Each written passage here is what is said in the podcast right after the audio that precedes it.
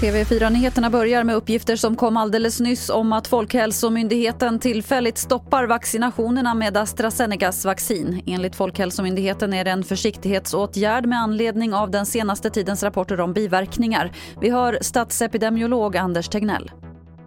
Ja, man, får, man kan se det på olika sätt. Man, en del människor får Eh, proppar på olika ställen i kroppen, en del får eh, små blödningar i huden. Det yttrar sig på ganska många olika sätt. Men i grunden är det en eh, ganska allvarlig störning i det systemet vi har i kroppen för att blodet inte ska varken leva sig för mycket eller för lite.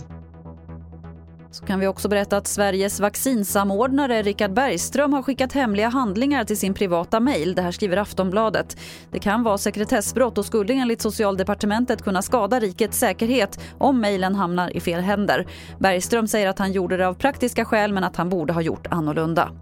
Till sist kan vi berätta att Sveriges äldsta väghotell, Gyllene Uttern utanför Gränna, har gått i konkurs. En av orsakerna är förstås coronapandemin. Konkursförvaltaren säger till Jönköpings-Posten att man hoppas kunna sälja verksamheten vidare. Det var det senaste från TV4 Nyheterna. Jag heter Lotta Wall.